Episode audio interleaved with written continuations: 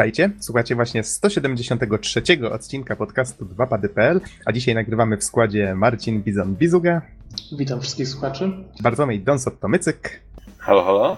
A mówi Adam Noxa 15 Dębski. Nagrywamy z kolei, co my dzisiaj mamy? Dzisiaj jest 11 listopada 2014, wtorkowy, piękny wieczór.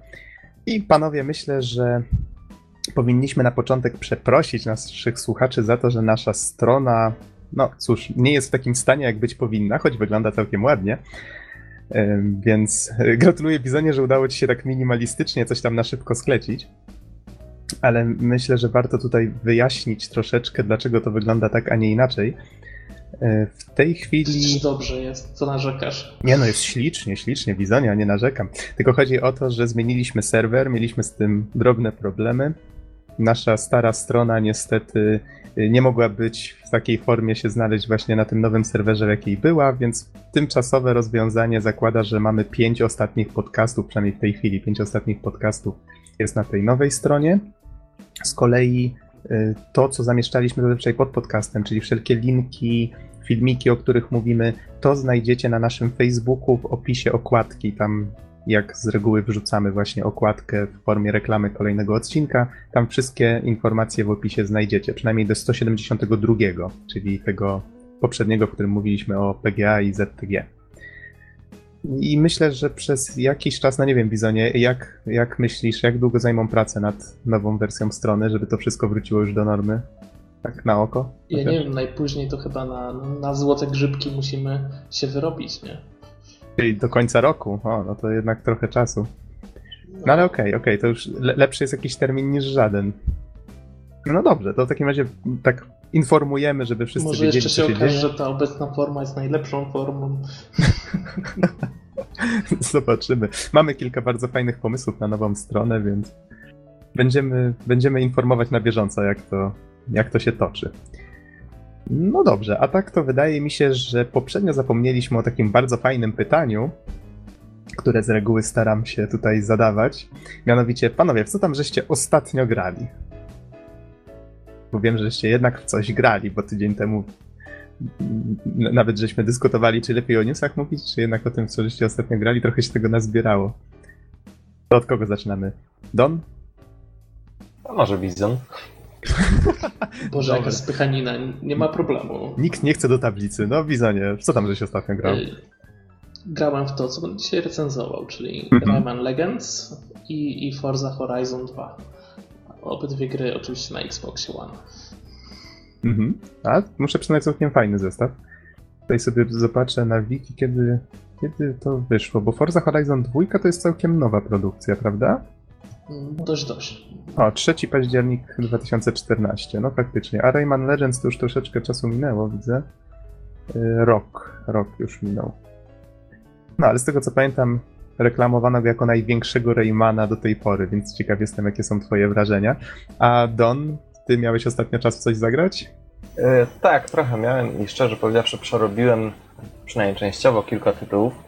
Przede wszystkim zaliczyłem kilka godzin w trzeciej armii i muszę powiedzieć, że jestem bardzo zadowolony z tego, co, co ujrzałem w środku. Poza tym, po zjeździe twórców gier, jako że wygrałem kod na Indyka e, z, ze studia Black Moon Dev, to jest gra The Few, też, mm, też nią trochę E, Przetestowałem, jest to gra, właściwie taka strategia czasu rzeczywistego, w której po prostu wcielamy się w, e, w lotnictwo Wielkiej Brytanii i próbujemy obronić oczywiście kraj przed, i oczywiście miasta przed bombardowaniem niemieckim.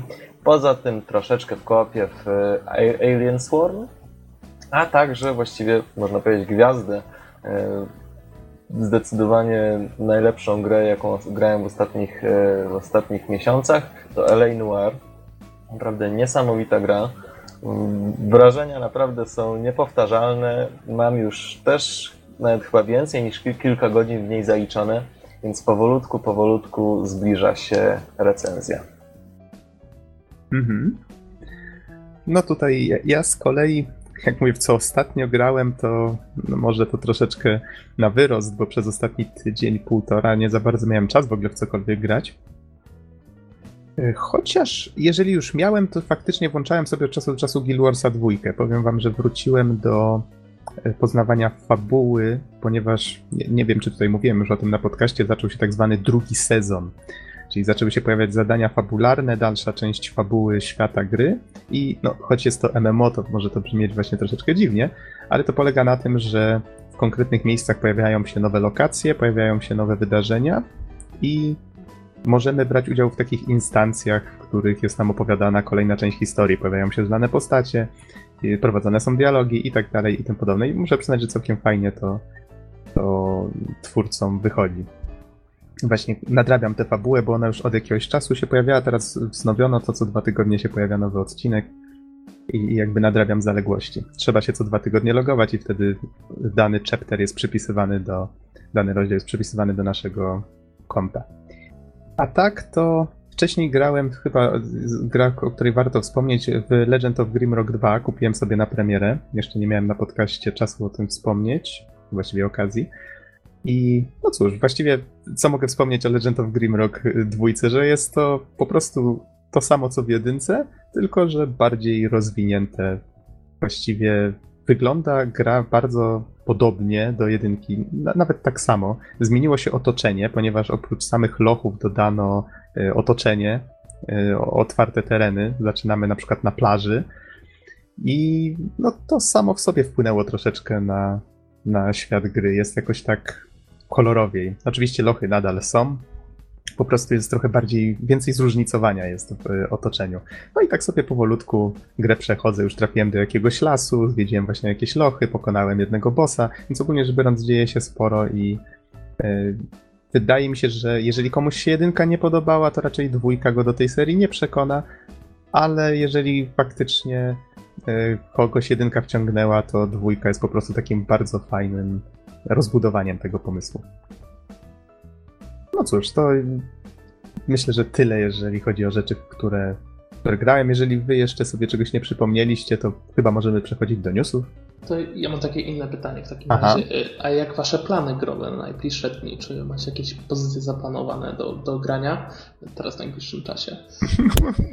Bizonie, gdybym ja miał pieniądze w tej chwili na gry, to kupiłbym chyba spokojnie ze trzy tytuły przynajmniej. Mm, Obcy Izolacja wyszedł niedawno. E, Lords of the Fallen już jest.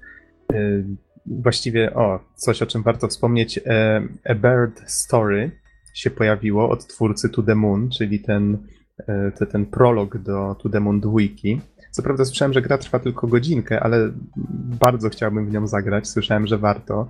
Z 15 zł tylko kosztuje, no ale cóż, póki co zaciskam pasa, więc nie za bardzo nawet na to mnie stać. A tak to, no cóż, widzę, że na Gogu pojawiło się Pillars of Eternity Champion Edition. Nie wiem co prawda, kiedy gra ma mieć premierę, ale to chyba dzisiaj karta się pojawiła właśnie z możliwością preordera.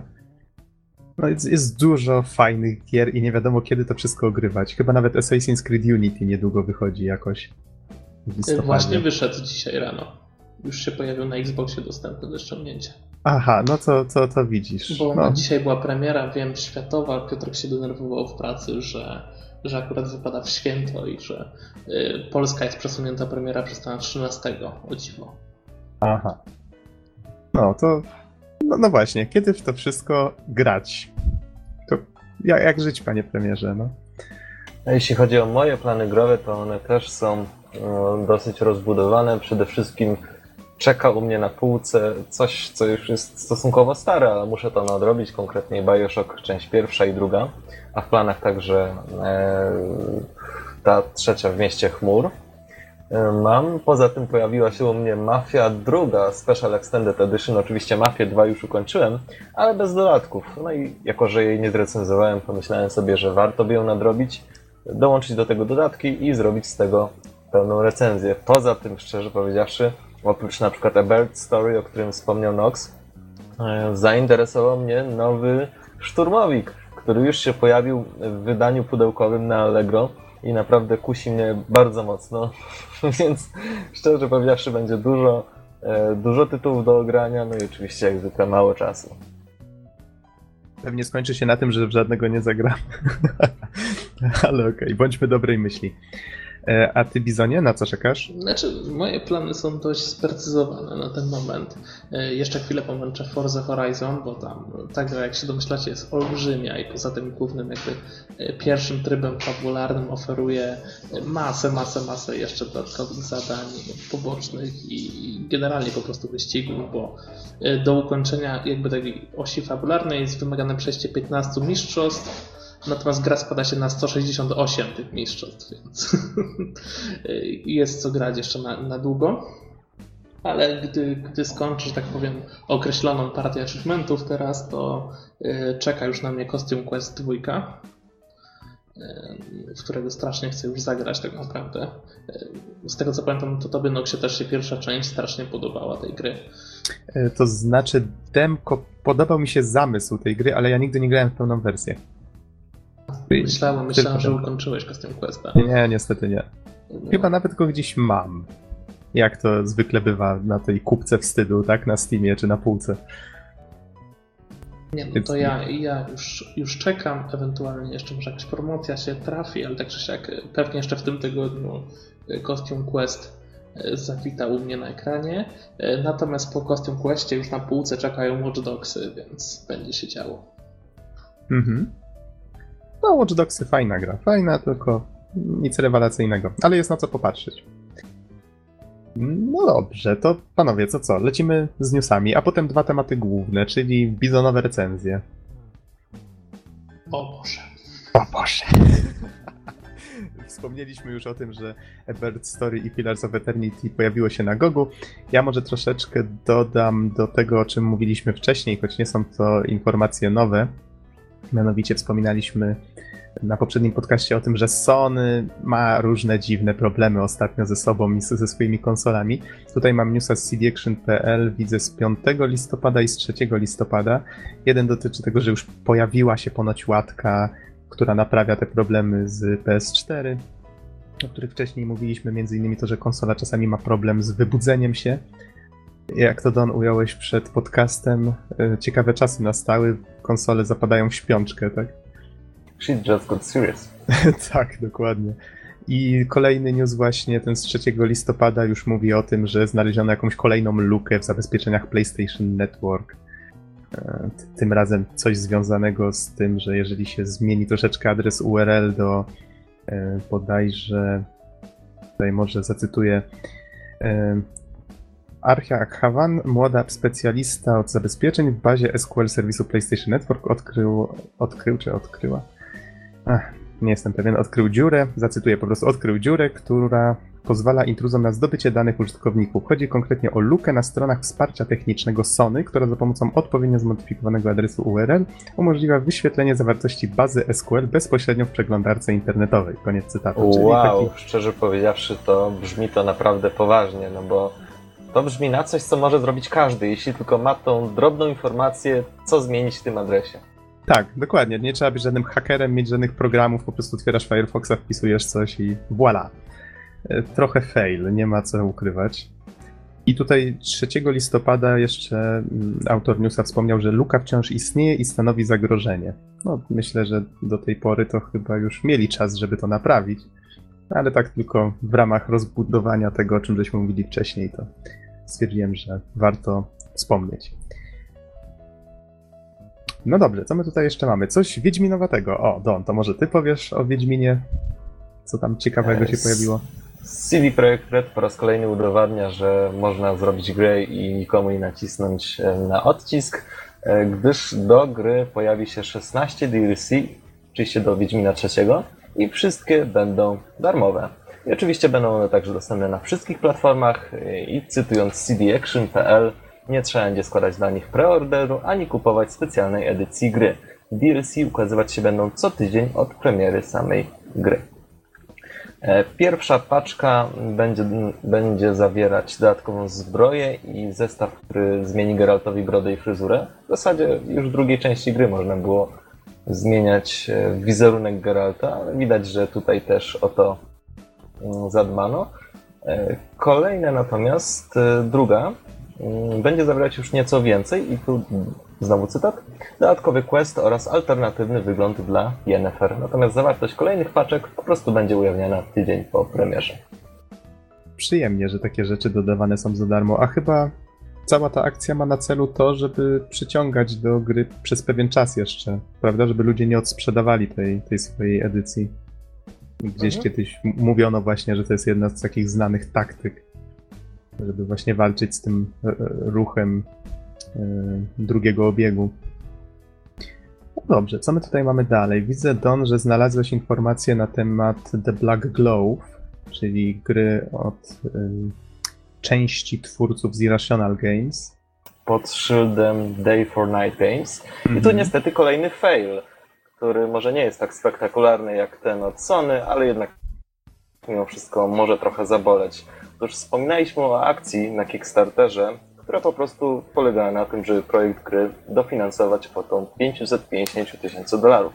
Niestety w ciągu miesiąca nie udało się zebrać tej kwoty i w chwili, kiedy akcja się zakończyła, na koncie projektu znajdowało się dokładnie, no może nie dokładnie, ale w przybliżeniu 216 tysięcy dolarów, czyli mniej więcej mniej niż połowa wymaganej sumy.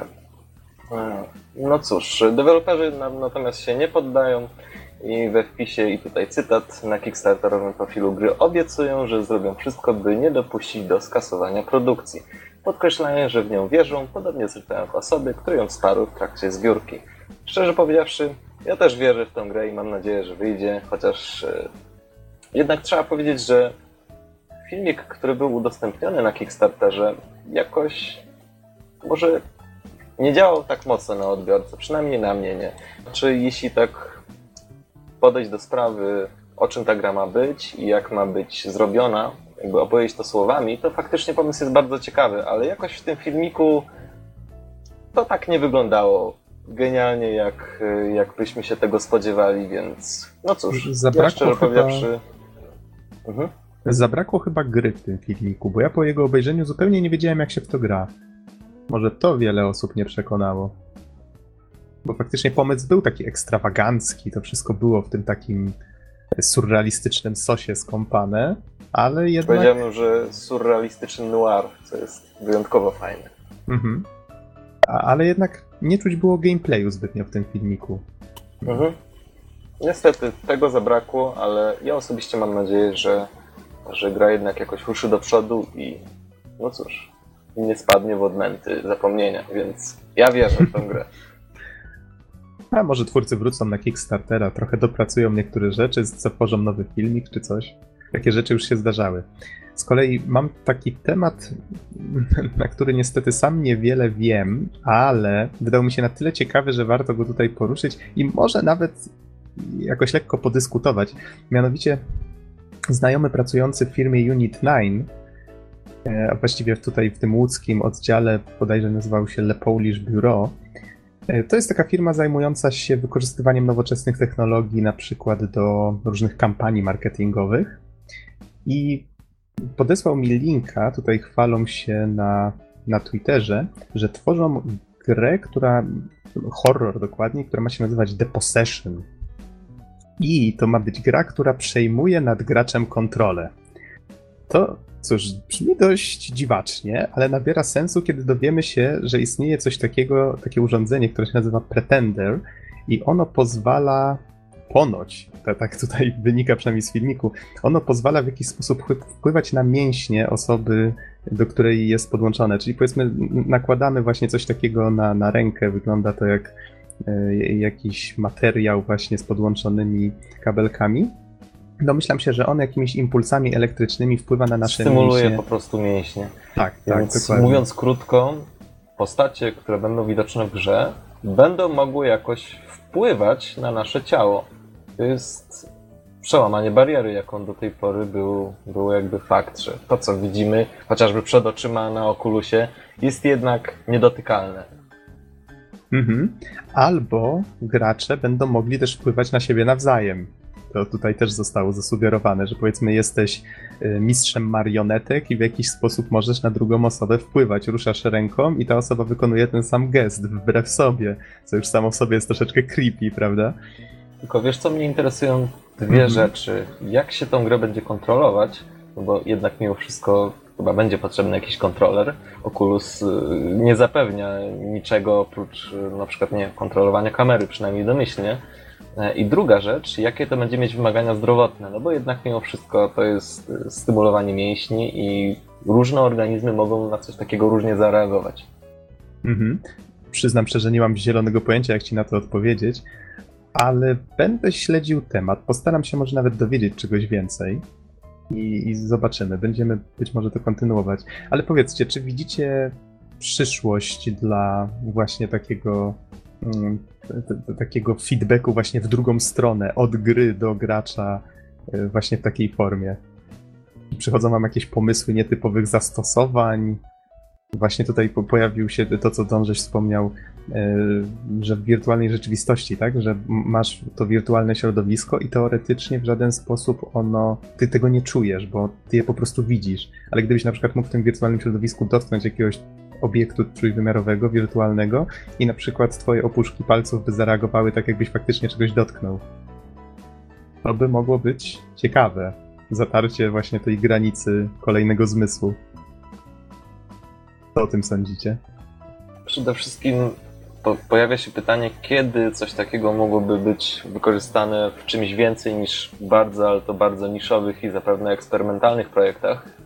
A z drugiej strony jest to wizja fantastyczna, chociaż też, no nie wyobraźcie sobie granie w amnezję Mroczny Obłęd z Oculusem i właśnie z urządzeniem, które na przykład, nie wiem, pozwala nam odczuć na klatce piersiowej, choćby symbolicznie, jeśli potwór za- zada nam cios. No, jest to naprawdę, może być to Tego szokujące typu urządzenia to doświadczenie. chyba już były jakieś takie kamizelki, nie? Jakby, które dawały odczuwać e, postrzał. Coś takiego ktoś kiedyś zrobił, pamiętam, i to już chyba nawet za czasów PSX-a. Też o tym słyszałem, no, no, ale to teraz jakby przechodzi na następny poziom, prawda? Bo zwróćmy Mhm. uwagę, że możesz nawet y, poruszyć ręką gracza, prawda? No nie wiem, wyobraźcie sobie, że w najnowszym Call of Duty, które, które oczywiście obsługujemy mając tego typu urządzenia na sobie, postać e, jakaś NPC podaje nam rękę. Czy inne tego typu interakcje. To byłoby coś naprawdę niesamowitego. Albo czujemy Chociaż jak mówię, broni tutaj na też- ręce. Chociaż tutaj też e, pojawi się to pytanie o kwestie zdrowotne. Mhm. Albo siłujesz się z kimś i, i czujesz ten opór stawiany przez jego rękę, choć tak naprawdę go nie ma, prawda? Ta Wiecie postać co, nie to istnieje. jest, to jest niesamowite, ale z drugiej strony trochę przerażające, jak bardzo granica między wirtualnym światem może być przełamywana. I kiedy to się zatrzyma? Znaczy wiecie, możemy dojść do takiej dziwnej sytuacji, że przestaniesz rozpoznawać, nie? jak się już do wszystkiego podłączą, czy jesteś w grze, czy to wiecie, dzieje się naprawdę. Tak, to, to dochodzimy tutaj do, do wniosków, do których już dawno, dawno temu doszli twórcy science fiction, prawda? Tylko, że po prostu mm, to, to się dzieje już teraz i, i te wszystkie wynalazki jakby powoli to, to faktycznie się robi zacierają tą niebezpieczne trochę. Tak, swoją, tak swoją drogą to robi się niebezpieczne.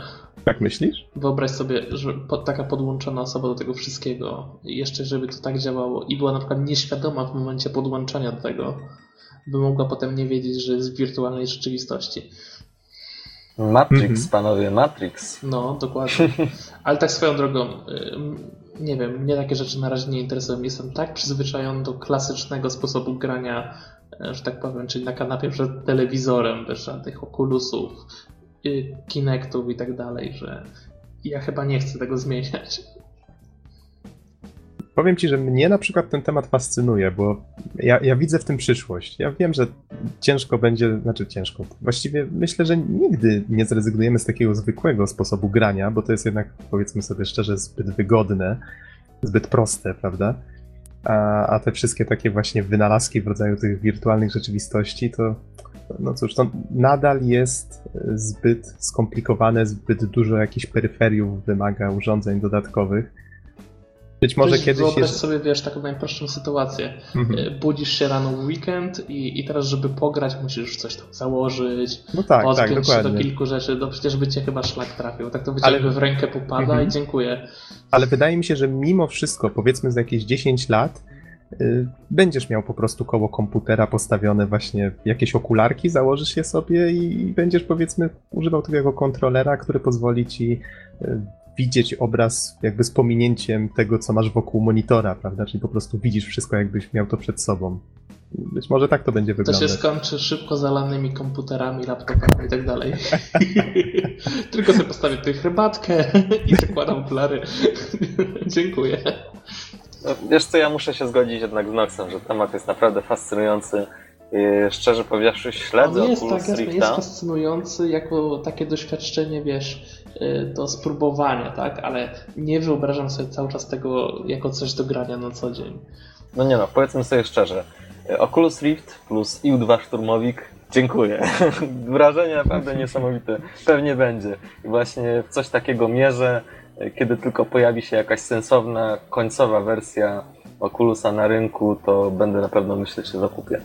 A wyobraźcie sobie wojskowe zastosowanie czegoś takiego. Już istnieje jakieś chyba w Norwegii albo w Szwecji ponoć e, albo już zaczęto wprowadzać, albo myślą dopiero o tym, żeby czołgistom dawać okulusa właśnie po to, żeby widzieli obraz z kamer, które oczywiście są na zewnątrz czołgu w trójwymiarze, co oczywiście Znaczy, jest ja, dosyć ja pomocne. troszkę inaczej sobie wyobraziłem e, to zastosowanie. Chodzi o pilotów, na przykład wyobraźcie sobie, którzy tak naprawdę nie siedzą w samolocie, tak, ale, ale się czują jakby w nim byli naprawdę, nie? Nie, nie, nie mają różnicy, że tak powiem, w odczuciu. Teoretycznie już w tej chwili przecież istnieją No są maszyny te bojowe. samoloty tak y, bez, Mhm. bezzałogowe, ale tutaj właśnie. trochę inny, inny poziom tej y, imersji, tak? Że tak naprawdę jakby sterował tym tak 100% siedzący w środku człowiek, tylko że on by tam nie siedział, nie? Znowu wracamy do gier wojennych, tak? I możliwość stworzenia gry, w której ktoś myśli, że tak na, po prostu gra w nią, a tak naprawdę kieruje jakąś maszyną na prawdziwym polu bitwy. No, No to Cóż. mocno się cofnąłeś w czasie. Ten film jest chyba mocno stary. Więc no, to, to wszystko już było wymyślone, prawda? To wszystko już zostało przewidziane. Teraz po prostu da się to zrobić. No cóż. Temat jest, temat jest fajny. Myślę, że jeszcze nieraz będziemy do niego wracać. Pożyjemy, to nas do czegoś podłączą na pewno. Ech, kinda creepy. Okej, okej, może nie idźmy w tę stronę. Ale zamieścimy oczywiście linka do, do filmiku pokazującego tego pre, pretendera, czyli to, to urządzenie. Zamieszczę też link do tego wpisu na Twitterze. I, I może postaramy się na przyszłość zdobyć troszeczkę więcej informacji na ten temat. A tak to pod podcastem umieścimy jeszcze tutaj jeszcze trzy filmiki. Jeden to będzie najnowszy, nie, nie tyle zwiastun, co właściwie taka reklamówka z aktorami e, Call of Duty Advanced Warfare. Nazywa się Discover Your Power. No cóż, wiecie czego się spodziewać po Call of Duty, ale jak zwykle jest to bardzo fajnie wykonane i myślę, że warto sobie chociaż obejrzeć, nawet jeżeli nie zamierzacie w to grać. A, no i w filmie jest koza. Nie wiem, czy to jest jakieś, jakieś nawiązanie do Goat Simulator, ale bardzo mnie to rozśmieszyło. Ostatnio kozy wśród graczy są cieszą się taką popularnością, jakkolwiek by to nie brzmiało. Drugi filmik z kolei to będzie zwiastun This War of Mine. Powiem wam, że ja dopiero teraz zobaczyłem, jak ta gra wygląda i naprawdę intrygująco się to prezentuje. Taka platformówka, w której staramy się y, jakoś urządzić dom w kraju otoczonym przez wojska. Właściwie wokół trwa wojna, a my zbieramy zapasy, staramy się właśnie jakieś schronienie sobie zorganizować. To wszystko w takim bardzo, bardzo fajnym klimacie. No i je- jest to platformówka, więc to jakby ode mnie od razu plusik na wstęp. Ciekaw jestem tej produkcji. Ona już chyba wyszła albo wyjdzie niedługo. Zaraz może, może się upewnię. Nie wiem, czy ktoś z Was ma coś do dodania na temat This War of Mine? Widzieliście gameplay trailer? Nie mam pojęcia, Tak, tak. To jest ta gra Bizonie, którą wydaje 11-bit Studios. No, poszukaj sobie w linkach, możesz, możesz obejrzeć. A Don, ty jakie masz wrażenia? Znaczy, może informacyjnie powiem tylko Bizonowi, że pod względem wizualnym troszeczkę przypomina Deadlight. Natomiast jeśli chodzi o samą ideę, no cóż, jak twierdzi e, sam jeden napis na trailerze, być może jest to gra o wojnie, której potrzebowaliśmy. Tak naprawdę. No i cóż, myślę, że nie powiem raczej tutaj niczego nowego. Na pewno pomysł jest y, unikatowy. Okej, już kojarzę, inaczej zrozumiałem tytuł, który mi powiedzieliście. Y, Zrozumiałem This world is mine. Rozumiecie? Em, Okej, okej, nie, nie zrozumiałem tego tytułu, który powiedziałeś, Że ale... ten świat jest mój zamiast. A, this world is mine. Nie, nie, to jest this war of mine. Ta moja wojna, tak? Jeśli można to tak przetłumaczyć. Y, Zobaczyłem już na zwiastunie November 13, czyli 14 listopada. Właściwie za 3 dni jest premiera w takim bądź razie. No dobrze, to jeżeli nie macie nic do dodania już a propos tego filmiku, to jeszcze jeden trafi pod podcast i będzie to Total War Attila. O, to Don, to ty musisz w takim razie powiedzieć o co chodzi, No, bo widzę, że to twoje klimaty. Co tu dużo mówić, jest to kolejna gra Total. Podejrzewam, że coś w rodzaju samodzielnego dodatku. E, I oczywiście gra opowiada o tym, jak Cesarstwo Rzymskie zostało podzielone na dwie części, a w dodatku do tego całego garnca dołącza się Attila, e, który razem ze swoimi barbarzyńcami ma zamiar zniszczyć obie części cesarstwa. E, No i cóż, myślę, że to mówi samo za siebie. E, Dla wszystkich tych, którzy mieli do czynienia z Rome, na pewno z Rome oczywiście najnowszym, czyli Rome drugim, będą to klimaty dosyć e, znajome i no cóż, myślę, że, że nie ma tutaj zbyt wiele do dodania i należy zagłębić się w trailer, wyciągnąć własne wnioski, no i oczywiście jeśli ktoś jest chętny, sięgać albo po prostu szykować swój portfel. Mhm. No dobrze, panowie, czyli wydaje mi się, że możemy już przejść do tematów głównych. Przypomnę, mamy dwie recenzje, a konkretniej Bizon ma. I to znaczy, chyba, że Bizonie będziesz chciał przedstawić jedną grę, a na przykład drugą zostawić sobie na następny raz, to wtedy. To wtedy. I ja nie jestem jakimś zwolennikiem długich recenzji, więc myślę, że się jakoś uwiniemy. Okej, spoko. I przypomnę, co są dwie gry, czyli Forza Horizon 2 i Rayman Legends. Powiedz, od której chcesz zacząć? Tutaj bym zostawił wybór wam. O. Nowsza jest Forza Horizon, więc potraktowałbym ją jako taki ważniejszy temat, czyli może zostawmy ją na koniec. I zacznijmy od Raymana. Co wy na to? Okej, dobra, nie ma problemu. Mam sypnąć wikipedycznymi wieściami? Poproszę. W takim razie grę stworzyło Ubisoft Mont- Montpellier. Zostało wydane oczywiście przez Ubisoft. I można w to zagrać na PC, PS3, PlayStation Vita, Wii U, Xboxa 360, PS4, Xboxa One. I gra się ukazała e, w sierpniu 2013. No to właściwie co? To właściwie tyle. Aha, na PlayStation 4 i Xboxa One ukazała się w lutym tego roku. Czyli to jest ta wersja, w którą ty grałeś i którą będziesz teraz recenzował, tak? Czyli na Xboxa One. Zgadza się, dokładnie tak. No, co ja mam powiedzieć o Raymanie? Rayman jaki jest, chyba każdy wie. Taki Yy, be, z, z rączkami, ale niby bez rączek, tak? Tak, tak. Graliście w ogóle w poprzednią część, może w ten Origins?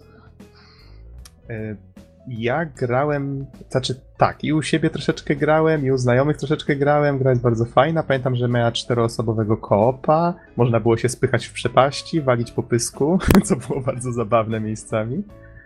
I była bardzo kolorowa i wesoła. Właściwie No to wró- wróciła do ducha Raymana. mi grę. Czyli mówisz, że Legends jest w tym samym duchu. Jest w tym samym duchu. Aha. Właściwie można powiedzieć, że jeżeli chodzi o założenia, jest praktycznie identyczny. Yy, Po prostu dostajemy tak naprawdę dodatkowe plansze i zmieniły się troszkę tam e, zasady, jeżeli chodzi o zbieranie tych, tych latających muszek. Wcześniej po prostu trzeba było robić to szybko, żeby zdobywać więcej punktów, teraz trzeba je zdobywać w innej, w odpowiedniej kolejności. Mówisz o Ale- lumsach? O lumsach, tak? Latające muszki, no. Come on, to są Ale lumsy. Generalnie, generalnie zasady takie, te najzwyklejsze, tak? Gry są takie same. Jest to cały czas świetna platformówka, której zdecydowanie nie brakuje tempa. Nie wiem, czy nie jest jeszcze szybsza, że tak powiem, od poprzedniej części, bo plansz, w których trzeba, że tak powiem, zaiwaniać, to jest zdecydowana większość.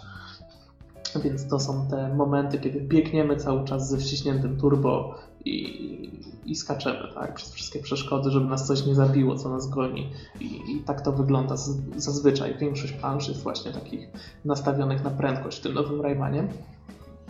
Co nas nie zabije, to da, doda, to da nam speeda? Nie rozumiem. A propos prędkości. Nie rozumiem. Okej, okej. Y, Więc y, takie są główne tutaj zasady. Co prawda tych takich normalnych plansz też, też nie brakuje. Y, Gra składa się z kilku światów.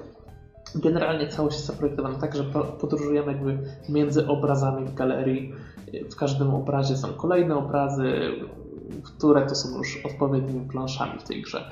We need to go deeper. Incepcja. W, te, w każdej planszy można odblokować do 10 muniaków w tych takich klasycznych planszach. Z czego, czego takiego? Muniaków? Muniaki to są takie postacie, one też występowały w poprzedniej części. Takie, takie dość niskie, z podłużnymi niebieskimi buziami. Nie wiem, Mm. czy kojarzycie, ale. One się zawsze kłóciły, kto jest królem w drugiej części gry. A to mi się wydawało, że one się inaczej nazywały, ale okej, okej, to już... E, Wiesz co, ja nie wiem, gra jest po polsku, ale nie wydaje mi się, że tutaj tłumaczenie było popsute w jakikolwiek sposób. E, Mówisz o takich z podłużnymi, wysokimi głowami i zawsze jeden ma koronę na głowie, tak? E, Tak, tak, tak, tak. Okej, to ja tak, kojarzę je z Raymana dwójki bardzo. Sympatyczne postacie. Więc- One w końcu doszły do wniosku i y, zmieniały się, w, y, zmieniały się w sensie jeden nosił koronę przez powiedzmy pół minuty, a potem drugi, trzeci, czwarty i tak w kolejce. Tak, bo nie potrafiły dojść do tego, który naprawdę jest ich królem. Bardzo fajny Więc pomysł. tutaj, y, tutaj tak to wygląda. I w takiej planszy możemy zazwyczaj znaleźć 8 zwykłych tych muniaków, plus królową i króla, którzy są w takich ukrytych pomieszczeniach, czyli to też jest nawiązanie do poprzedniej y, części, tak? W każdej planszy były też ukryte pomieszczenia, tak, gdzie można było. Nie pamiętam, co tam się zbierało. Jakieś. Co się zbierało w pierwszej części? Znaczy w Origins. E, Jakieś takie znaczy- skaczące wesołe potworki, nie? Też były, czy coś takiego do, do, do z klatek do uwalniania. No tak, coś się z klatek uwalniało. To prawda, były klatki, były lumsy, ogólnie było sporo znajdziek i to wszystko było katalogowane na liście poziomów, żebyśmy mogli wracać i na 100% wszystko masterować. I, I tutaj, że tak powiem, na podstawie zbieranych tych muniaków odblokowują się nam kolejne plansze. Czyli zazwyczaj potrzebujemy odpowiednią ilość muniaków do odblokowania kolejnego świata i tak dalej. Mhm, to poprzednio, z tego co pamiętam, plansze odblokowywało się za takie różowe kule fruwa- fruwające na skrzydłach. No to tutaj jest właśnie taka, mówię, marginalna tak naprawdę zmiana. Yy, Generalnie widać też, że gra była tworzona docelowo na trochę na, yy, na Wii U, bo z tego co pamiętacie albo nie pamiętacie, ten tytuł na początku miał być ekskluzywem dla tej konsoli. No jak wyszło, tak widać, prawda? Wyszło na wszystko, łącznie z pralkami, z wymywalkami. Ale nie, są takie małe naleciałości, jeżeli chodzi o, o różne funkcje. Często mamy takiego towarzysza w niektórych planszach, który musi nam y, podnosić przeszkody i tak dalej. To wydaje mi się, że to jest właśnie naleciałość z, y, z tego, że ta gra wcześniej miała inną platformę docelową. Ale zostało to naprawdę dobrze rozwiązane. Jest po prostu zamiast pewnie rysować jakieś gesty na, na tym touchpadzie, czy jak my tam nazywamy ten kontroler Pa- view. Padlet. To po Padlet. prostu wszystkie akcje te, tego jakby naszego pomagiera zostały y, podpięte pod, pod jeden przycisk na padzie, więc nie jest to jakieś problematyczne. Jedyne co zostaje troszkę głupie, bo y, grając, y, przechodząc planszem, zbierając odpowiednie ilości lumów, y, dostajemy zdrabki. I te zdrabki trzeba zdrapywać, y, wykorzystując obydwie gałki na padzie. Wydaje mi się, że to rozwiązanie zdecydowanie zostało zaprojektowane właśnie na, na ten touchpad. Mhm. I to jest taka delikatna upierdliwość, bo gdy zdrapujemy te zdrapki, to musimy klikać brać kolejną i tak dalej. Jest to dość uciążliwe, bardziej niż zabrzmiało. Jeżeli na przykład mamy 7 tych zdrapek do zdrapania, to trzeba się tam namanewrować niepotrzebnie. Powinna być jakaś taka opcja w stylu zdrap wszystkie i, i z głowy. I w tych zdrapkach znajdujemy a to dodatkowe yy, muniaki, bardzo rzadko co prawda. Można wygrać trochę dodatkowych lumów, ale dużo ważniejsze są zwierzątka, które dostajemy i które sobie e, tam zbieramy i one nam dają dodatkowe lumy codziennie. I najbardziej istotne z tych wszystkich strapek jest to, że odblokowujemy planszę z Rayman Origins. Zaraz, zaraz, czyli Rayman Origins zostało tutaj też wpakowane? Czy w całości, w kawałku? Czy ty nie powiedziałeś, że to jest największa część Raymana? No tak. Tak, y, zostało wpakowane chyba, nie pamiętam ile dokładnie było, ale jest pięć światów całych z Raymana Origins wpakowanych. Gry. Tak. Mój Boże. Czy w takim razie opłaca się kupować Rayman Origins, jeżeli ma się możliwość kupić Legends? Znaczy, te plansze zostały przystosowane do, do tych zasad, którymi rządzi się Rayman Legends, tak? Czyli są inne znajdźki w nich, tak? Mhm. I, i, I to jest właściwie tylko po to. I powiem wam, że o dziwo w te plansze z Rayman Origins grało mi się przyjemniej niż te nowe. Nie wiem dlaczego tak jest, ale... Mhm. A to Ale- nadal są takie plansze, m, w których mieszane są różne gameplaye, czyli mamy, mówiłeś tutaj już, że się ucieka na przykład przed czymś, E, to pamiętam właśnie z, z Origins. Pamiętam, że latało się też na przykład na komarach i gra nagle zamieniała się w takiego szmapa, czyli e, Tak, tak, lecisz to jest, właśnie, stateczkiem. to jest właśnie fajne w tych planszach z Origins, że choćby są te komary, Aha. natomiast brakuje takich urozmaiceń w, w tych planszach z nowej części. O dziwo, nie ma, nie ma jakiejś takiej właśnie motywu w stylu tych komarów, które naprawdę były przesympatyczne. Co wtedy gra się zamienia w strzelankę kosmiczną, tak? Tylko, że z komarami. A jeszcze co tam było takiego ciekawego? No były walki z bossami, tutaj zakładam, że też są. Tak, tak, w każdym świecie znajdzie się jakiś boss. Yy, nie są oni jacyś super wymyślni, ale no w porządku, pasują tutaj do, do, do całego klimatu i serii, więc nie ma, nie ma co się czepiać. Generalnie cała gra sta- jest na bardzo wysokim poziomie, jeżeli chodzi o, o, o taką najzwyklejszą przyjemność z grania. Do tego oczywiście dochodzi możliwość grania w kopie, tak jak w poprzednich y, częściach. Tutaj Asia dotrzymywała mi kroku, grając na drugim padzie, więc było naprawdę sympatycznie. Ale tym bardziej, że grając dwójkę gra robi się łatwiejsza. Ale jednocześnie bym chciał zaznaczyć, że wydaje mi się, że ta część jest prostsza od, od, od poprzedniej, poza kilkoma planszami w ostatnim świecie, które potrafią, że tak powiem, zdenerwować człowieka. A gra jest prostsza, jak się gra w dwie osoby, bo z tego co pamiętam, można się wskrzeszać wtedy, tak? Tak, tak, tak, wtedy się nie ginie od razu i tylko ta druga osoba może cię wskrzesić, więc y, to zdecydowanie, zdecydowanie ułatwia rozgrywkę. A jedna rzecz mi się przypomniała. Pamiętam, że reklamowano grę tak zwanymi etapami muzycznymi. Mógłbyś to jakoś rozwinąć? E, Tak, e, w każdym z pięciu czy sześciu światów, które są na końcu, znajduje się etap muzyczny. Ale nie dajcie się oszukać, to jest zwykły etap, w którym się biegnie cały czas do przodu. I, i tak naprawdę muzyka pokrywa się z, e, z tym, kiedy musimy podskoczyć w danym właściwie momencie. Jest to bardzo fajne, rytmiczne e, wrażenie z, tego, z tych poziomów, ale nie jest to w żadnym wypadku jakiś inny typ rozgrywki. Mhm, czyli jest to po prostu taka forma y, wizualno-audio, to taki bajer bardziej, tak? Biegniemy po prostu cały czas przed siebie i dźwięki się układają w melodię. Dokładnie tak. No, ale brzmi fajnie mimo Nie, wszystko. fa- fajnie to brzmi, naprawdę. y, Jest to, to było nawet na tyle fajne, że zawołała się, mówię, chodź zobacz, przejdę dla ciebie jeszcze raz. Okej, to o czym Jest, jeszcze jest żeśmy... naprawdę sympatyczne. I teraz tak, y, dłuższy plus, jeśli chodzi o grafikę. Mhm. No i grafika jest utrzymana cały czas w tym samym stylu, i jednak widać, że na konsoli y, nowej generacji jest podbita rozdzielczość. Podbita w sensie rozciągnięty jest obraz? Czy jest lepszy po W prostu? sensie takim, że y, ten silnik UbiArt ma takie coś, że przy zbliżeniach czasem było widać piksele, nie? Na, różne elementy. Tutaj w Raymanie jest to wykonane lepiej, Mhm, więc okej. nie ma nigdy takiego momentu, że coś się rozpikselowuje. Okej, to brzmi dobrze.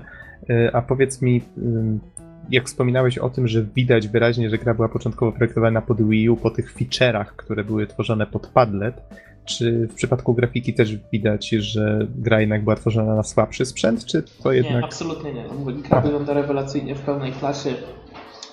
Y, Nie będę się zakładał, czy lata w Full HD, ale jest to bardzo możliwe. Bo to jest jednak ręcznie malowane, śliczne 2D nadal, tak? Z, z jakimiś tam wstawkami trójwymiarowymi chyba. Zgadza się, tych stawek trójwymiarowych jest, jest naprawdę mało. Tak naprawdę całość wygląda po prostu ładnie graficznie. Mhm. Okej, to o czym żeśmy jeszcze nie wspomnieli. Chyba.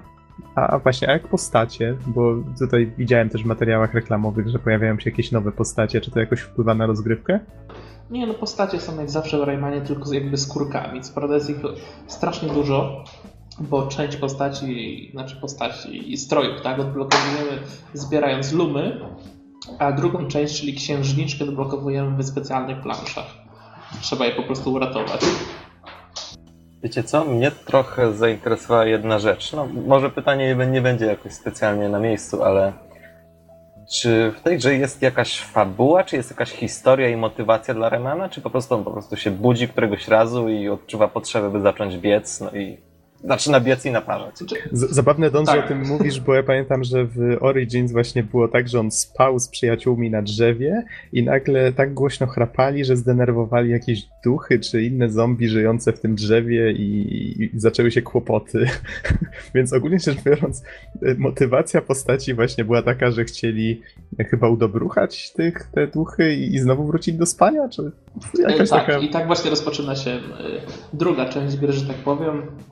Czyli nasze postacie słodko śpią. Śpią I po prostu śpią. budzą się i odczuwają nagłą chęć bieg biegania i naparzania we wszystko, co spotkają. Nie, nie, i w międzyczasie, kiedy one śpią, to y, z, złych pięciu muniaków y, y, wiecie, zaczyna hasać i robi generalnie złe rzeczy i, i cały świat jest opanowany przez zło i tak dalej. I jakiś tam dziadek budzi ich, żeby znów zrobili porządek i poszli spać. Ale myślę, że to uzasadnia ten y, znaczek PEGI 7. Gra jest dobra nie tylko dla, dla osób, które faktycznie lubią jakieś hardkorowe platformówki, ale też dla młodszych odbiorców, tak? No właśnie, Bizonie, a powiedz mi, czy tam faktycznie znajdzie się jakieś hardkorowe wyzwanie dla takich fanów platformówek, czy jednak wszystko jest takie Znaczy, uproszczone? co, Uproszczenie uproszczeniem, ale wciąż gra y, dla pojedynczego gracza, jeżeli miało być to dziecko, może być zbyt trudna. Mimo Mhm. wszystko, tak? Bo tam checkpointy może są dość gęsto rozłożone i tak dalej, ale jakichś takich y, większych błędów to się nie wybacza. No okej. Wiem, wiem dobrze, jak się grało z Ashem, która nie ma jakiegoś większego doświadczenia, no to zazwyczaj ją ratowałem, tak? Nie oszukując się. No dobrze, czy w takim razie jeszcze o czymś nie wspomnieliśmy? Chyba o, muzyce, pom- pomijając może te etapy muzyczne. Tak rozumiem, jest wpasowana w taki swojski Tak, klimat. Tak. Soundtrack jest cały czas rewelacyjny, tak? Do poprzedniej części można go słuchać zdecydowanie nawet nie grając w tą grę. Jest tak wesoły, że każdy się uśmiechnie po prostu przy tej muzyce. Była taka skoczna i pamiętam, że miała dużo różnych dziwnych instrumentów, wstawek. To taka była I nietypowa. dokładnie, dokładnie w tym samym klimacie jest utrzymana w tej części. Mhm, no to fajnie, bardzo fajnie. No dobrze, to powiedz, czy jeszcze o czymś chciałbyś wspomnieć? Czy może jakieś pytania masz Don, do Bizona? Na razie nie. Okej, to w takim razie myślę, że Bizonie, jeżeli masz jakieś podsumowanie albo jakąś końcową myśl do Raymana Legends, to, to proszę bardzo, a chyba możemy powoli przechodzić do Forzy. Znaczy, ja generalnie tę grę bardzo polecam, tym bardziej, że jest ona zdecydowanie tańsza. Można ją darować za 119 zł nową mm, w tym momencie na, E, na za ile? 119 zł. Aha, na Xboxa One. Tak, tak, tak, bo taka jest cena Mhm. po prostu polskiej dystrybucji. Yy, No i tak naprawdę no, trzeba przyznać, że nie ma alternatywy, jeżeli chodzi o platformówki, tak, na ten moment. Więc jeżeli ktoś ma ochotę na platformówkę, to na pewno się nie zawiedzie. To jest chyba problem obu tych dużych platform w tej chwili. Niestety. Z dostępem do dobrych gier w dużych ilościach. Okej, czyli rozumiem, że tymi słowami kończymy recenzję Rayman Legends. Tak, i możemy już płynniutko przechodzić do Forza Horizon 2. Okej, czy mam czytać, co ciocia Wikipedia ma do powiedzenia? Jak zawsze, dawaj. Okej, w takim razie, co ja tutaj mam? Mm, Gra, gra, gra, gra. Jest na Xboxa 360 i Xboxa One, no cóż, marka Microsoftu, prawda? I ukazała się we wrześniu tego roku, a dokładniej pod koniec września tego roku. Do nas trafiła na samym początku października. Dokładnie trzeciego. Tylko nie dajcie się zmylić, bo ta wersja na 360 to jest inna gra, robiona przez inne studio. A faktycznie, jest tutaj nawet napisane, że Sumo Digital tworzyło wersję na Xboxa 360, z kolei na Xboxa One tworzyło Playground Games. Jak rozumiem, to są twórcy Forzy, tak? Yy, Turn 10 to jest, są twórcy Forsy, najpierw Playground Games stworzyło poprzednią, czyli Forza Horizon. Aha, faktycznie Turn 10 Studios też jest wymienione wśród deweloperów. Te trzy studia są. Tylko, że przy Turn 10 nie ma kons y, konsoli, w sensie platformy. No więc, dobrze, więc tak to, to wygląda. Mhm. No, więc y, od razu zaznaczam, że recenzuję wersję na Xbox One, bo nie mam zielonego pojęcia, jak wygląda wersja na 360. Mhm. I powiedz może, przybliż troszeczkę, czym była Forza Horizon 1, bo to była taka odskocznia trochę chyba od tego, co znamy w tej serii. No ja co prawda grałem w tę serię i w ogóle w jedynkę Horizon tylko u ciebie przez bardzo krótki czas, więc nie mam jakiegoś dużego rozeznania, ale mo może skróć naszym słuchaczom, o, o co tak naprawdę chodziło i dlaczego właśnie ta podseria się nazywa Horizon.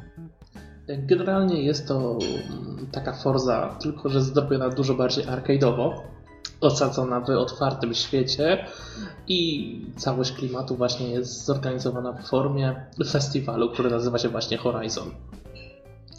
Więc mamy piękne połacie terenu, piękne i szybkie samochody i do tego masę wyścigów do przejechania.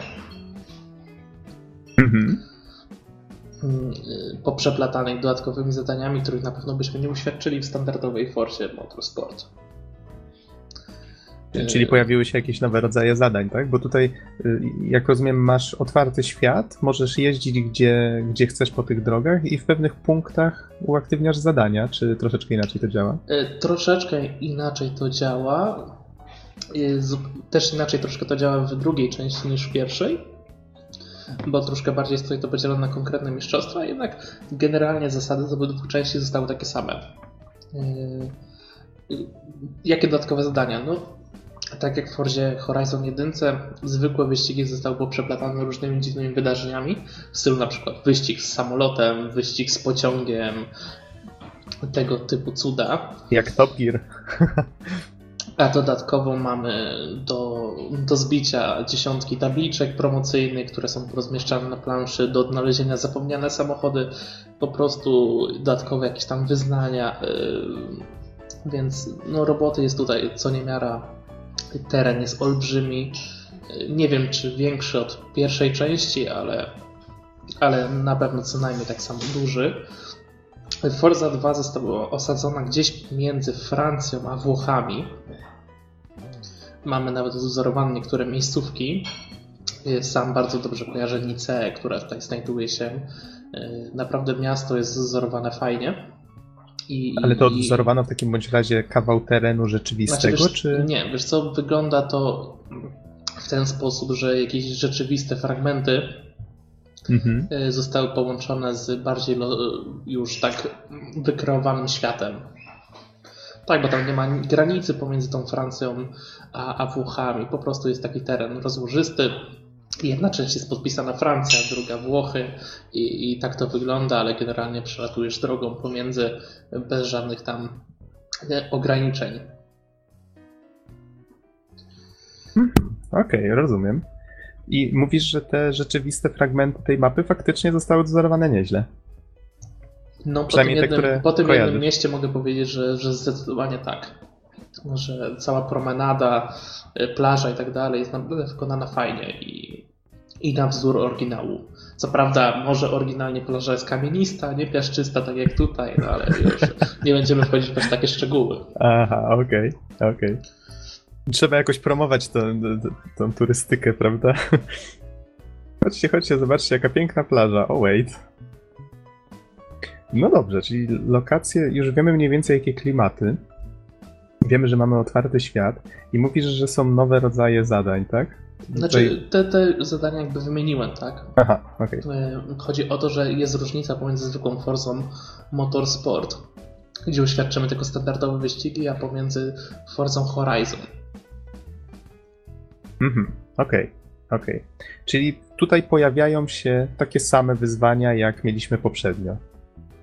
Też się ścigamy tak, tak, z różnych... zdecydowanie tak I tutaj no, trzeba zapomnieć o zwykłych wyścigach na, na zamkniętych, znanych torach. Tutaj trasy wydzielane są na różne sposoby. Raz to są zamknięte to, y, jakby obszary. W sensie, że na przykład tor jest przeprowadzony przez miasto i wiecie, od uliczki, w które y, nie można skręcić, są, że tak powiem, odgrodzone, tak? czyli nie możemy źle pojechać.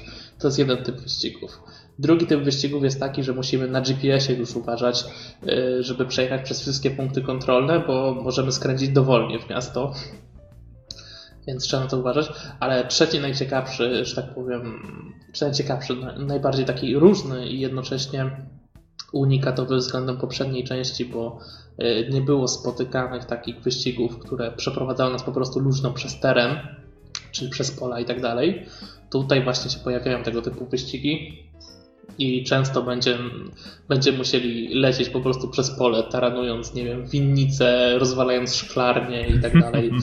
Po prostu tor może być przeprowadzony czasem tak, y, że trzeba, wiecie, nagle przelecieć przez pół lasu, nie? Aha i wyciąć przy okazji krzaczki czy tam drzewa, nie? Z Czyli swoim samochodem. Rozumiem, jest przy tym trochę zabawy. Jest troszkę zabawy, jest to zrobione naprawdę efekciarsko i ładnie, co, co, co najważniejsze. Naprawdę podróżowanie po tych terenach e, pełnych winnic i, i tak dalej jest, jest super i po prostu kosimy to wszystko swoim samochodem. Zasuwając, wyskakujemy na pagórkach, więc jest to zrobione ekstra. Mhm. No A jak no, no dokończ myśl. E, wiecie, no to jest Forza, tak? Czyli e, wyścigi w dość realnym, że tak powiem, otoczeniu połączone są przede wszystkim z masą e, samochodów, prawdziwych, tak? Samochodów i myślę, że to jest największy plus tej Forza Horizon, bo żadna inna gra Absolutnie żadna gra nie oferuje czegoś takiego, że mamy dostępne, nie wiem, 200 czy tam ileś prawdziwych samochodów i możemy nimi jeździć w taki sposób, a nie po torach. Mhm. A powiedz mi, e, wspominałeś o tym, że to jest arcade, czyli gra bardziej stawia na fan niż realizm. Czy jak, jak duża jest to rozbieżność? Znaczy, e, wciąż nie można tego porównać z jakimś Need for Speedem czy czymś, bo e, tutaj jest troszkę inny bilans, przepraszam, balans, tak? Pomiędzy symulacją a arcade'em mm, cały czas tej grze jakby najbliżej jest do Project Gotham Racing, jeżeli chodzi o umiejscowienie tego środka e, symulacji, a rozgrywki takiej arkadowej. Czyli cały czas ta fizyka, wiecie, działa jakby taka jak najbardziej naturalna i elementy symulacji są w pewnym sensie zachowane, ale delikatnie uproszczone jest wchodzenie w zakręty i tak dalej. A to nie znaczy, że nie można hamować. Trzeba hamować, bo inaczej nie skręcimy odpowiednio. Tyle, tyle że jest delikatnie prościej. Okej, okay, dopóki to nie przypomina Ridge Racera, to ja jestem na pokładzie. Ridge nie, Racer to, to jest to przegięcie. nie jest arcade typu Ridge Racer, nie. Tutaj cały czas czuć, że, że fizyka ma swoje oddziaływania na samochód. Że, że jednak istnieje. Zgadza się. Okej, okay, okej. Okay. A zacząłeś mówić o samochodach. Mówisz, że jest ich dużo, ze 200, tak? Spokojnie, plus dodatkowe paczki zawartości. Co chwila pojawiają się jakieś auta do kupienia, więc. To są wszystko licencjonowane marki. Wszystko licencjonowane marki, więc no to jest właśnie to, czego nie można spotkać w innych grach, tak? No bo w innych grach, jak są licencjonowane samochody, to zazwyczaj zazwyczaj są to wyścigi po torach, chyba że mówimy o Need for Speedzie, no ale to, to jest troszkę inna klasa gry. Nie, nie porównywałbym do, do, do tego klimatu tutaj takich bardziej prawdziwych wyścigów. Tylko tutaj właśnie z Need for Speedem to też tak e, bym nie przesadzał, bo wiesz, Need for Speed też miał różne części, różnie stawiające, czy tam na realizm, czy, no jedne były bardziej Mówię tak ogólnie, tak nawet, nawet jeżeli Need for Speed, to wiecie, Need for Speed ma bardzo ograniczoną listę samochodów w ofercie. Aha. Tutaj począwszy od jakichś masakrycznie klasyków, nie wiem, można nawet, wiecie, ścigać się tym takim ogórkiem Volkswagena klasycznym, poprzez, wiecie, takie normalne, popularne auta, y, które widzimy u nas nawet na drogach, kończąc naprawdę na jakichś bestiach, hypercarach, y, Lamborghini, wszystko co chcecie generalnie. Mhm. No brzmi nieźle, brzmi nieźle. Hmm, to, ta, ta jeszcze... rozbieżność tutaj robi dużo. E, tym ta bardziej, że, to znaczy? No, tych różnych samochodów, bo mamy samochody, wiecie, e, typowo wyścigowe, jest całe grono różnych terenówek, które pojawiły się w tej części w związku z e, tymi połaciami terenu, które możemy przecinać. Czy, czyli. O, wybór Aha, okay. po prostu kosmiczny, tak? Czy, czyli w Horizon 1 nie można było znaczy inaczej, można było jeździć tylko po szosach, tak? E, tak, nie, nie było takich, e, takiego swobodnego przemieszczania pomiędzy połaciami Aha. niepokrytymi drogami, tak? Było to jakoś tak, w jakiś sposób zabudowane. Tutaj Okej. nie ma, tutaj możecie, wiesz, jak chcesz, to możesz wyjechać gdzieś w pole, w las i tak dalej, nie? Nikt się nie Czyli- zabroni. Czyli możemy jakimś monster carem faktycznie przejechać komuś przez winnicę na pełnym gazie. Tak, przez szklarnię po prostu, wiecie, burząc. Nikt nam tutaj nie, tego nie zabroni. E, Co prawda, e, ten otwarty świat, e, w którym można niszczyć dużo rzeczy, ma też te tak zwane ściany nie do przebicia, co kończy się śmiesznymi sytuacjami, bo na przykład zawieprzamy 200 na godzinę, przecinamy jakąś winnicę, wyskakujemy w powietrze i nagle uderzamy na przykład 10 metrów nad, mm, wiecie, murkiem, takim już z kamienia i się, wiecie, odbijamy od tą wirtualną ścianę. No tak. Już, już by mogli nam dać przelecieć na przykład i zrestartować, a tak to to wygląda, wiecie, czasem dziwnie. A właśnie, powiedz mi, y, czy brałeś udział w jakichś wyścigach przez sieć? Jakieś koopy, czy coś w tym rodzaju? Bo to chyba też bardzo ważna była część poprzedniej części, jeżeli się nie mylę. Znaczy, tutaj jakby ten świat e, solo z multi jest dość wymieszany. Przede wszystkim ze sprawą drivatarów, który już, o których już rozmawialiśmy przy poprzedniej Forzie. Chodzi o to, że wszystkie ulice zapełnione są tymi jakby wirtualnymi klonami e, prawdziwych graczy, tak, tymi drivatarami. Więc jeżdżąc po normalnych tutaj drogach, y, wszystkie samochody, że tak powiem, z którymi się ścigamy, są drivatarami. I to są takie, to nie są tylko klony, z tego co pamiętam z y, twojej opowieści poprzednio, to są też, to jest też sztuczna inteligencja, która się uczy na podstawie tego, jak właściciel tego, tego klona jeździ, tak? Dokładnie tak, więc to jest po pierwsze, to jest pierwszy taki przeplot y, jakby tego świata online z single player. Natomiast drugi jest taki, że są parkingi y, rozmieszczone we wszystkich miastach na planszy, na które jak zajedziemy, to wjeżdżamy faktycznie na parking i inni gracze ze świata wjeżdżają na ten sam parking i możemy razem się ustawiać na, y, na wyścigi czy też różne zabawy. Y, Brałem udział w jednej z takich zabaw. Polegała ona na tym, że y, jedna z osób jest królem na planszy i przejmujemy koronę, jeżeli uda nam się z nią zderzyć. I, Mhm. i generalnie sens taki był, żeby utrzymać jak najdłużej koronę. Więc są tego typu zabawy. Są na pewno też zwykłe wyścigi, w które jeszcze nie grałem po sieci. y, I są też wspólne wycieczki po prostu po trasie. Tak, bardziej Em. rekreacyjnie. Aha, a czy dużo osób bierze w tym udział? W sensie, czy nie ma problemów ze znalezieniem graczy, jak się domyślam? Nie, nie, nie, absolutnie nie. Poza tym są kluby. Są kluby graczy. Ja jestem zapisany do klubu PSX Extreme w tym momencie i gracze w jednym klubie zbija, zbierają sobie łącznie punkty, żeby razem ich klub był coraz wyżej w rankingu. To też jest bardzo fajny element rywalizacji. Tym bardziej, że także wewnątrz klubu możesz zyskiwać kolejne rangi i tak dalej, więc nawet grając cały czas w single player, tak naprawdę gdzieś tam uczestniczysz w życiu tego klubu online. Y, To jest też świetnie właśnie połączone. Jeszcze, jeszcze z takich elementów online to mamy swoich rywali, czyli przy wszystkich fotoradarach, których przyjeżdżamy i tak dalej, to jesteśmy porównywani z swoimi znajomymi z Xbox Live plus, y, plus z ludźmi z, z własnego klubu. No i, i po każdym wyścigu też możemy, y, dostajemy przydzielonego rywala, tak, z naszego klubu, czy też ze znajomych, y, którego czas możemy pobić, więc cały czas ten przeplot pomiędzy online a, a single playerem tutaj występuje. Hmm, no to brzmi bardzo fajnie. Czekaj, tak się zastanawiam, o czym my jeszcze żeśmy nie mówili. Wspominaliśmy o multi, wspominaliśmy o autach, o, o tym, gdzie jeździmy. Wspominałeś o tych różnych wyzwaniach. Don, czy przychodzi ci na myśl coś, o czym jeszcze moglibyśmy wspomnieć?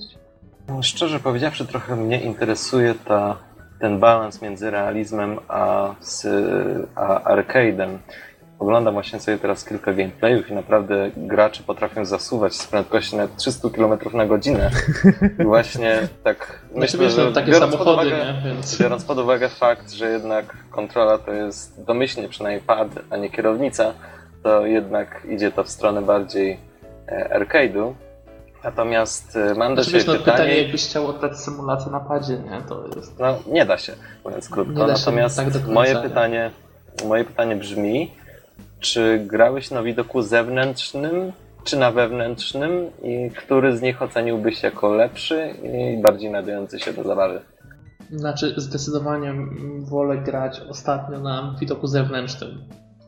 E, co prawda, widok wewnętrzny jest przygotowany świetnie, wiecie, jak to w Forzie wszystkie auta mają świetnie wymodelowane środki i tak dalej, ale e, widoczność jest mniejsza, tak, od razu.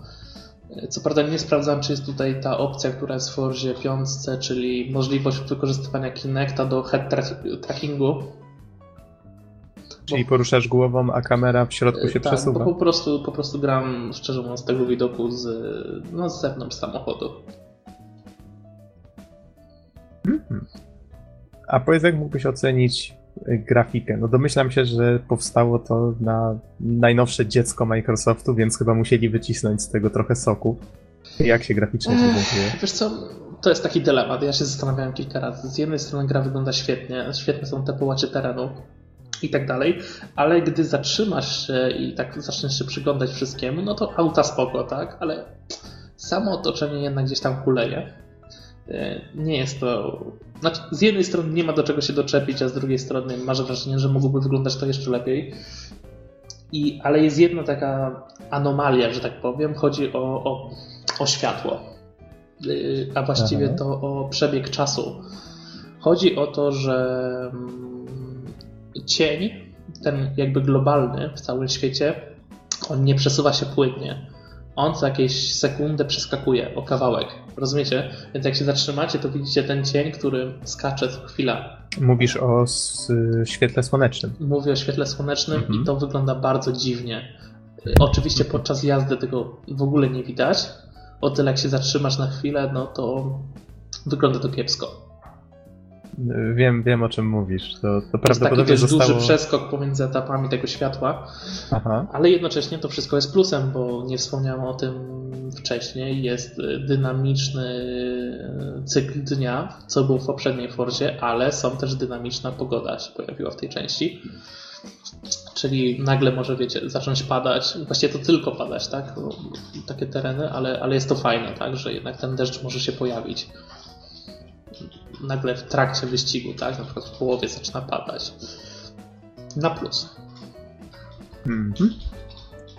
No, a tutaj dokończę tylko myśl. Wydaje mi się, że to, o czym wspomniałeś, czyli właśnie to skokowe pojawianie się tych, tych cieni, to jest e, optymalizacyjny bajer. I, I, prawdopodobnie jak zauważyli, że większość osób jeżdżąc tak go nie zauważy, to, to dali sobie z tym spokój. Okay, no i to... jeden cholerny minus, na który już teraz się jakoś zwraca uwagę. Aha. Światła samochodów nie dają dynamicznych cieni. No cóż. No, jednak gra wyglądałaby sporo lepiej, gdyby te cienie się, wiesz, tworzyły jak jedziesz autem. Nie ma tego mm -hmm. i to jest, to jest bolączka, bo przy tym dość realistycznym wyglądzie całej gry, w momencie, kiedy światła nie grają odpowiednio, to, to wiecie, jesteś wytrącony z tego takiego transu, nie? No, musimy jeszcze poczekać chyba troszkę. Albo grać na PC. nie, nie wiem jak na PC teraz stoi sprawa. Wiem, że w tych Watch Dogsach dało się to tam coś poprzełączać. I... W Watch Dogsach, z tego co pamiętam, wyłączono e, właśnie dynamiczne światła w, reflek w, re w, w reflektorach, mój Boże, samochodowych. E, ale potem fani je włączyli tam w jakimś modzie. No, znaczy, Ale nie wiem, czy jakieś gry mają, że tak powiem, domyślnie to teraz. Wiesz, nie badałem sprawy aż tak dokładnie, ale wydaje mi się, że to nie jest znowu aż tak e, wymagający bajer. No, nie oszukujmy się, konsole już są bardzo, bardzo do tyłu ze wszystkim, więc... Powiedzmy szczerze, no nie postarali się tym razem z tym sprzętem. Poszli Wiesz, po oni, już, oni nigdy nie będą w stanie się z nim postarać, tak? Muszą znaleźć odpowiedni balans między tym, za ile go będą w stanie sprzedać, a a co będą w stanie na nim stworzyć. No, więc... Ale jednak poprzednia generacja sprzęt był trochę bardziej podciągnięty względem rynku PC-owego. Hmm. No nie jestem aż taki pewien, ale niemniej konsole już są, już są troszeczkę do tyłu niestety. I wydaje mi się, że tutaj wszelkie próby przeczenia temu raczej mijają się z prawdą. No dobrze, ale wracając do samej Forzy, bo to akurat, żebyśmy nie weszli tutaj na grunt dyskusji, którą można toczyć wiekami, to powiedz Bizanie, czy jeszcze coś warto wspomnieć o Forzie Horizon, tak żeby kogoś zachęcić do kupna, czy właściwie już o wszystkich najważniejszych, najfajniejszych rzeczach w tej grze żeś wspomniał? Znaczy, już tam gdzieś na początku podcastu wspomniałem o ogromie tej gry, Aha. natomiast y, przypomnę jeszcze raz, y, ten tryb fabularny, przez który jesteśmy prowadzeni na początku, który Pokazuje nam różne rodzaje wyścigów, y, wszystkie lokacje po kolei, y, przeprowadza nas przez, y, przez szukanie sam, ukrytych samochodów i tak, i tak dalej. Po prostu zapoznaje nas z całym systemem, wykorzystuje, właśnie wymaga od nas ukończenia 15, 15 mistrzostw. Każde mistrzostwa składają się z czterech wyścigów umieszczonych w jednej z sześciu głównych lokalizacji czy jakby te początkowe, tak, punkty zawsze zaczynają się w miastach. Jednakże jest to jedynie czubek góry lodowej, ponieważ po skończeniu 15, tych pierwszych 15 mistrzostw mamy do ukończenia ich jeszcze 153. Więc jest w co grać. Wow. Pokaźna liczba. Pokaźna liczba razy 4, ponad 600 wyścigów do ukończenia po skończeniu głównego trybu. To jest coś. Mhm. To troszeczkę jak z Gran Turismo, bo już dwie części tej serii mam na półce, ale nigdy nawet nie zbliżyłem się chyba do 50% w tych wszystkich y, imprezach, turniejach i wyścigach, więc widzę, że tutaj jest bardzo podobnie pod tym względem. Tak, zdecydowanie ukończenie wszystkich tych wyścigów no musi dać trochę popalić. To jest masa czasu potrzebna na, na to. Co prawda wyścigi są raczej krótsze niż w takiej zwykłej Forzie Motorsport, bo powiem Wam, że raczej nie zdarzają się wyścigi dłuższe niż 6 minut, co, co potrafi być normalnym czasem na pojedyncze okrążenie, tak, w zwykłej Forzie, jeżeli mamy jakieś dłuższe tory. Mhm. Więc te, te zawody są dość krótkie, ale, ale jednak ilość jest imponująca. Okej, okay, a powiedz, y, ile ci zajął ten tryb główny? Powiem Ci, że nie, nie, jestem w stanie się określić przez to, że gra zachęca do zwiedzania pomiędzy Aha. mistrzostwami, y, zachęca, żeby jeździć, zbijać tablice, szukać samochodów, podejmować wyzwania, albo po prostu masz ochotę się przejechać z punktu A do B, bo tak fajnie się jeździ, że nie jestem w stanie stwierdzić, ile czasu zajęło mi przejście tego A. trybu, ale myślę, że około 20 godzin. Aha, około 20 godzin. tak chciałem zapytać po prostu, ile ile czasu, wiesz, łącznie z tymi wszystkimi aktywnościami zajęło ci, nim ujrzałeś właśnie te, domyślam się, że napisy końcowe się wtedy wyświetliły, tak?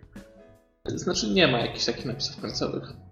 Aha, po prostu gra cię poinformowała, że skończyłeś główny jakiś tam, zdobyłeś znaczy, Zostałeś mistrzem festiwalu Horizon tak. i teraz ty decydujesz, gdzie jedziemy i wybierasz, jakie chcesz mistrzostwa. Mhm. Okej, okay. i mówisz tak około 20 godzin spokojnie, plus jeszcze masa dodatkowego staffu Kosmiczna masa. No tym bardziej, że można się potem wgryźć w tryb rywali, w tryb sieciowy można się wgryźć, można uczestniczyć cały czas w życiu klubu. Mhm. Gra bez końca. No, czyli całkiem niezła inwestycja. No dobrze, czy w takim razie Don, myślę, że to już całkiem niezłe podsumowanie było. Don, czy masz jakieś pytania do Bizona? Ja tradycyjnie już muszę odpowiedzieć, że jednak e, to, co usłyszałem, mnie przekonało. Mam jednak tylko jakieś pytanko, bo w zasadzie zauważyłem też, że można kupione auta, czy te po prostu, które są w naszym garażu, w jakiś sposób modyfikować. I z tego co zauważyłem, to są zarówno części, y, jak i kolory tych części, jakieś naklejki tak i tak dalej. Mógłbyś coś o tym powiedzieć, Bizonie? Tak, to jest dokładnie to samo, co we wszystkich poprzednich częściach ostatnio Forzy, e, czyli mamy możliwość tuningu samemu, E, samochodów, czyli możemy wybrać każde części, e, nie wiem, ciśnienia w oponach, e, no, generalnie wszystko, tak? A raz można skorzystać też z systemu automatycznych usprawnień, gdzie wtedy wybieramy, jaką klasę samochodu chcemy uzyskać i części dobierane są automatycznie. I oczywiście płacimy za to odpowiednio. To jest, to jest ten tryb, na którym ja grałem, czyli nie bawiłem się absolutnie w ręczne zmienianie y, elementów, dostosowanie sobie ciśnień i tak dalej w oponach. Pewnie jeżeli ktoś, y, że tak powiem, jest bardziej y, takim fanem motoryzacji, to pewnie siedzi w tych zmianach i możliwe, że potrafi dzięki temu uzyskiwać lepsze jeszcze czasy na konkretnych okrążeniach, więc tutaj jednak ten element symulacyjny choćby w tych częściach się tutaj uwidacznie w tej Forzie. Y, natomiast druga rzecz to są naklejki na samochody, motywy. Y, to jest coś, co pojawiło się w Forzie 3 już i cały czas jest kontynuowane. Ludzie mogą robić swoje motywy i mogą je sprzedawać poprzez, y, poprzez tutaj tą sieć wewnętrzną. Albo udostępniać też za darmo oczywiście. Więc no, domyślnie jak kupujemy samochody, to właśnie są proponowane nam najpopularniejsze motywy stworzone przez użytkowników na obklejenie ich. No i oczywiście do tego edytor, tak, no ale to już samo przez się. Mhm. Czyli kustomizacja wozów całkiem fajnie rozwinięta. No, no dobrze, ludzie, czy... ludzie tworzą naprawdę cuda na tych samochodach. Mhm. I, to, I to widzę, że na bieżąco, bo jak tylko był Halloween, to od razu wszystkie e, samochody były, wiecie, w dynie albo coś, więc ludzie wykazują się kreatywnością. O, to bardzo fajnie, że dano im taką możliwość. No dobrze, czy jeszcze są jakieś pytania, czy może Pizonie coś chciałbyś jeszcze dodać, czy możemy już powoli kończyć?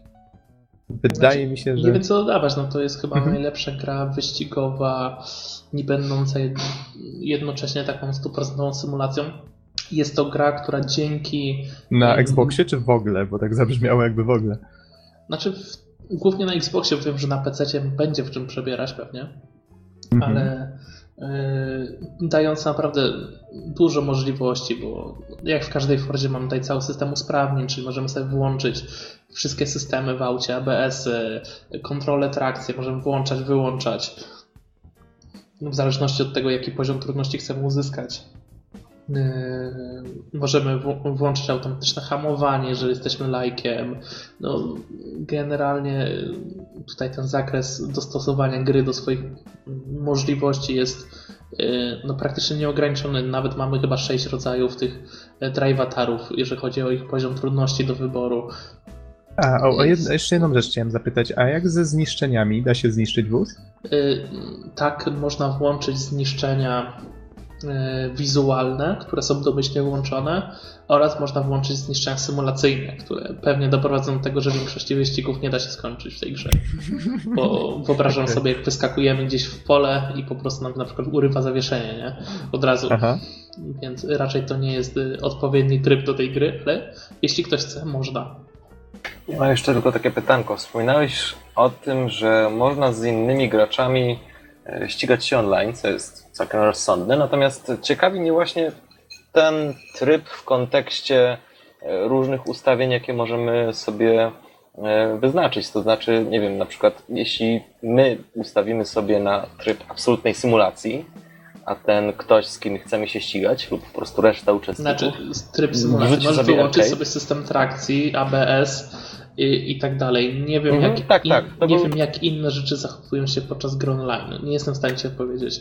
To był skrót myślowy, natomiast chodzi mi o to, mm, w jaki sposób e, zachowują się w takim razie nasi przeciwnicy, bo jakby e, oboje kierujemy na różnych poziomach trudności mówiąc wprost. Nie wiem, czy tak I jest teraz... w trybie online. Mhm. Czy, po prostu, czy po prostu jest wyciągana, kto zaczyna wyścig, ten narzuca ustawienia. No, generalnie jest to dosyć e, ciekawa sprawa i ciekawie jak po prostu to urządzono. Niestety nie, nie znam odpowiedzi na to twoje pytanie w tym momencie. No, postaram się na nie odpowiedzieć w takim razie na kolejnym podcaście. Mm-hmm. A Bizonie, takie, wracając jeszcze na sekundkę do Raymana, powiedz, ile czasu zajął ci Rayman, bo chyba na to pytanie nie, nie odpowiedziałeś. O, wiesz co, trochę jest tych planż, nie są co prawda za długie, ale no myślę, że 10 godzin zabawy to spokojnie. Mhm, tak na oko, tak? Tym bardziej, że, że nie, nie, nie ukończyłem wszystkich planż, bo nie wszystkie udało mi się odblokować, tak, w sensie tych z Origin tak, nie, nie, nie udało mi się zebrać wystarczającej ilości zdrapek, w których bym wygrał te poziomy. Mhm. Okej, okay, okej. Okay. To już tak tylko dorzuciłem na koniec. E, Wydaje mi się, że powinniśmy jeszcze nim skończymy tak przeprosić za te różne odgłosy w tle. Dzisiaj jesteśmy, nagrywamy w trochę nietypowych okolicznościach, jak to czasem bywa. Nie wiem, my lubimy nagrywać w nietypowych okolicznościach. E, Nie wiem, Bizonie, chcesz się pochwalić skąd nagrywasz? No musiałem się teleportować do biura dzisiaj, żeby nagrywać. Więc może być trochę echo. Tak, jest troszeczkę echa, trochę tam słychać różnych odgłosów w tle. To tak słowem wyjaśnienia przepraszamy za to. No i wydaje mi się, że możemy już podziękować wszystkim za uwagę i do usłyszenia w następnym odcinku. Trzymajcie się. Trzymajcie się na razie. Cześć.